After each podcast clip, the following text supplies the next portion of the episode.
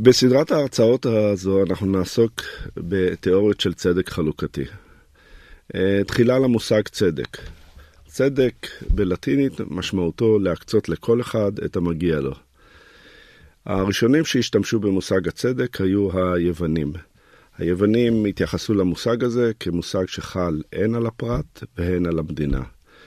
והם אה, גם קבעו שיש אה, אנלוגיה בין צדק אצל הפרט וצדק אצל המדינה.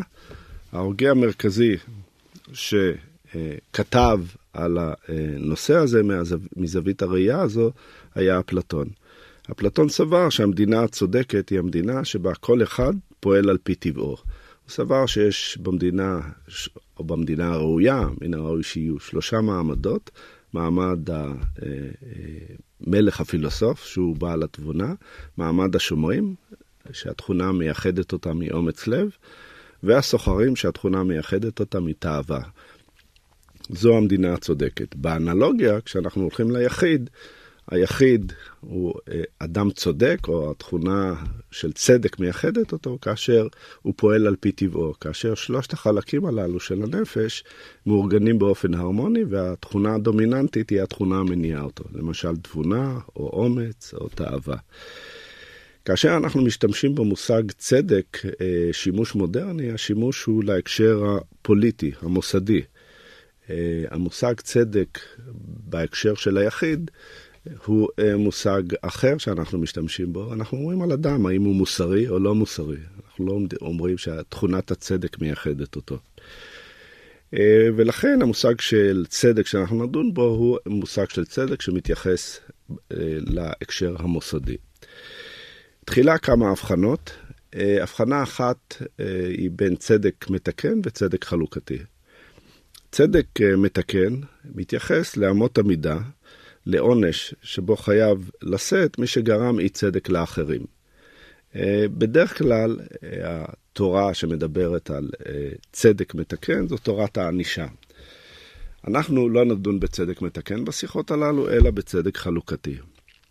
ואין טוב מלהתחיל במושג הזה מאשר בהגדרה של אריסטו, שנתן את ההגדרה הקלאסית של מהו צדק חלוקתי, והוא אמר כך: הכל מודים שיסוד הצדק אינו אלא התאמת חלקו של המקבל לזכות מסוימת שמצויה בצידו. אוקיי? אז כלומר, אה, אנחנו אה, פועלים באופן צודק, או חברה פועלת באופן צודק, כאשר היא נותנת לכל אחד את המגיע לו, אוקיי?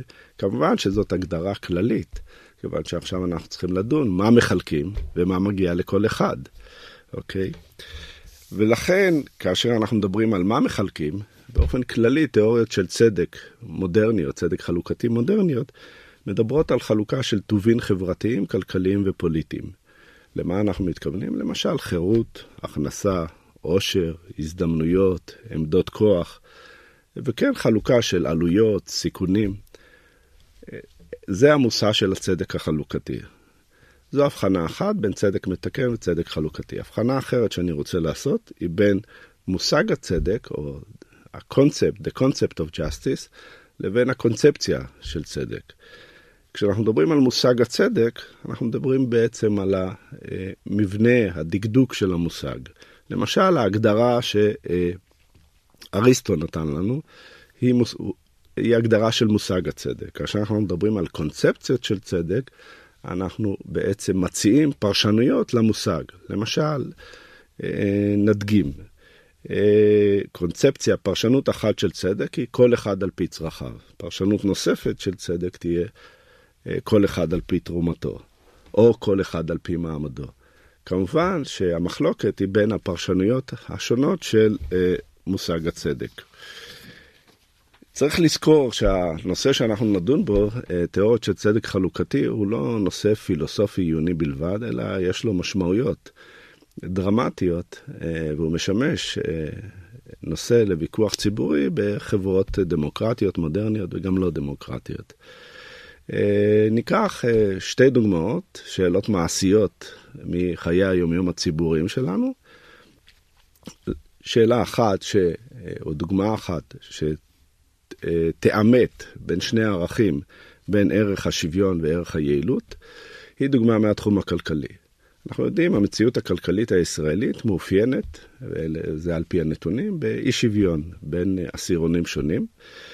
אנחנו יודעים שכל קשיש רביעי הוא חי מתחת לקו העוני, 30% מהילדים חיים מתחת לקו העוני. הפערים בין עשירונים שונים בחברה הישראלית הם מן הגבוהים בעולם המערבי. ועולה השאלה, מדוע זה כך? תפיסה אחת היא התפיסה הדומיננטית, התפיסה הניאו-ליברלית, טוענת שהמטרה, היעד של המדיניות הכלכלית צריך להיות צמיחה, לא שוויון. ולכן, על מנת להשיג צמיחה, לעתים אין ברירה, אלא להגדיל את אי השוויון. למשל, אם אנחנו רוצים להשיג צמיחה, אנחנו צריכים אה, להפנות תמריצים, או להעניק תמריצים למעסיקים, לאנשים שנמצאים בקצה העליון של הסולם החברתי-כלכלי. אנחנו, איך אנחנו נעניק להם תמריצים? באמצעות קיצוצים במיסים, באמצעות הטבות אה, אה, שונות שאנחנו נעניק להם. וכמו כן, ההטבות הללו אמורות להיות ממומנות על ידי אה, קיצוצים בשירותים חברתיים או ברשת הביטחון הסוציאלי. כלומר, ערך היעילות, ערך הצמיחה, הוא חשוב יותר מול, לעומת ערך השוויון. כמובן שיש טענות נגדיות, טענה נגדית אחת אה, נגד התפיסה הזו, נגד המדיניות הזו, היא הטענה ששוויון ויעילות הם לאו דווקא ערכים מתנגשים, וכדוגמה אנחנו יכולים להביא את מדינות סקנדינביה, שמקיימות צמיחה ומקיימות מידה רבה של שוויון בין קבוצות האוכלוסייה השונות. דוגמה נוספת להתנגשות בין ערכים היא דוגמה מתחום החינוך. כאן אנחנו אה, נראה שיש אה, התנגשות בין שני ערכים אחרים, לא יעילות מול שוויון, אלא שוויון מול חירות. אה, כולנו היינו עדים לדוח אה, אה, חשוב, מרכזי, שפורסם לפני מספר חודשים בשם דוח ועדת דוברת, שהציע מהפכה במערכת החינוך הישראלית. אחת ההרצאות המרכזיות בדוח היא מה שמכונה פתיחת אזורי רישום, או בשפה הלועזית parental, parental choice. כלומר, אם עד עתה אנחנו יודעים שאנחנו שולחים את ילדינו ללמוד בבית הספר שהוא בקהילה, בשכונה שלנו, באזור הרישום, הדוח מציע ליצור תחרות בין אה, בתי הספר השונים ולתת לנו בחירה לבחור לאיזה בית ספר לשלוח את אה, ילדינו. הרעיון כאן הוא א', לכבד את ערך החירות, כלומר יש ערך שהוא אה, ערך החירות. במקרה הזה, החירות של הורים לבחור את בית הספר שאליו ילכו ילדיהם. לעומת זאת, הערך המנוגד שעמד בבסיס התפיסה הקודמת, היה ערך השוויון, שבה המדינה החליטה לאן לשלוח את הילדים, כלומר, לאן הורים יוכלו לשלוח את הילדים, והיא צמצמה את האפשרויות הללו מאוד. בשם ערך השוויון, כלומר, המדינה רצתה שליטה על הרכב התלמידים, על מנת לממש, על פי תפיסתה, את ערך שוויון ההזדמנויות. גם כאן אנחנו רואים אה, עימות בין שני הערכים, בין ערך השוויון לבין ערך החירות. מה שתיאוריות של צדק חלוקתי עושות, הן מנסות לקבוע איזה משקל להעניק לערכים השונים, ולקבוע גם איזה ערך גובר, כלומר, מהי המדיניות הראויה אם אנחנו, אה, לאחר שאנחנו מתחשבים בערכים השונים. שאלה שיכול אה, לעלות אה, אפיקורס לגבי כל אה, הדיון הזה בצדק חברתי, יכול לומר את הדבר הבא, תשמע, אתה מדבר על דברים מאוד מעניינים, אבל הם עיוניים.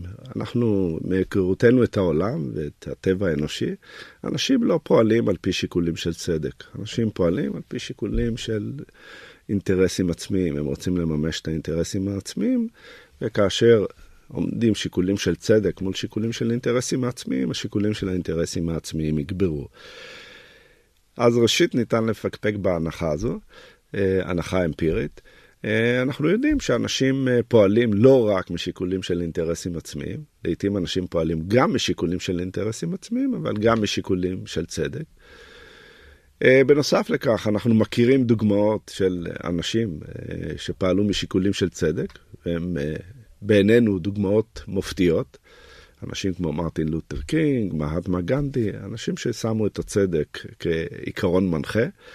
אה, וכולנו סבורים שהאנשים הללו אה, שיפרו את, אה, את המצב האנושי, גרמו לכך שהחברה שלנו היא חברה מוסרית יותר, שוויונית יותר.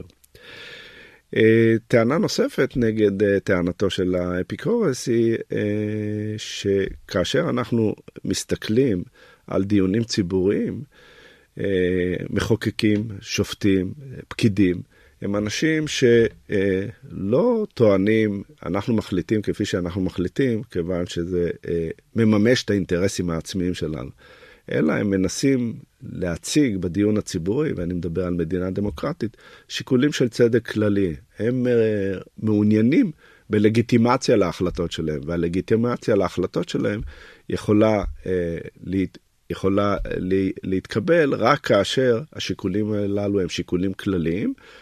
שנשענים על uh, שיקולים מוסריים. גם שיקולים מוסריים, הם יכולים להיות גם שיקולים של יעילות, אבל שיקולים מוסריים הם שיקולים מרכזיים. זה ודאי חשוב, שיקולי צדק ודאי חשובים לקבוצות של אנשים שמעוניינות uh, בשינוי חברתי, בשינוי פני החברה.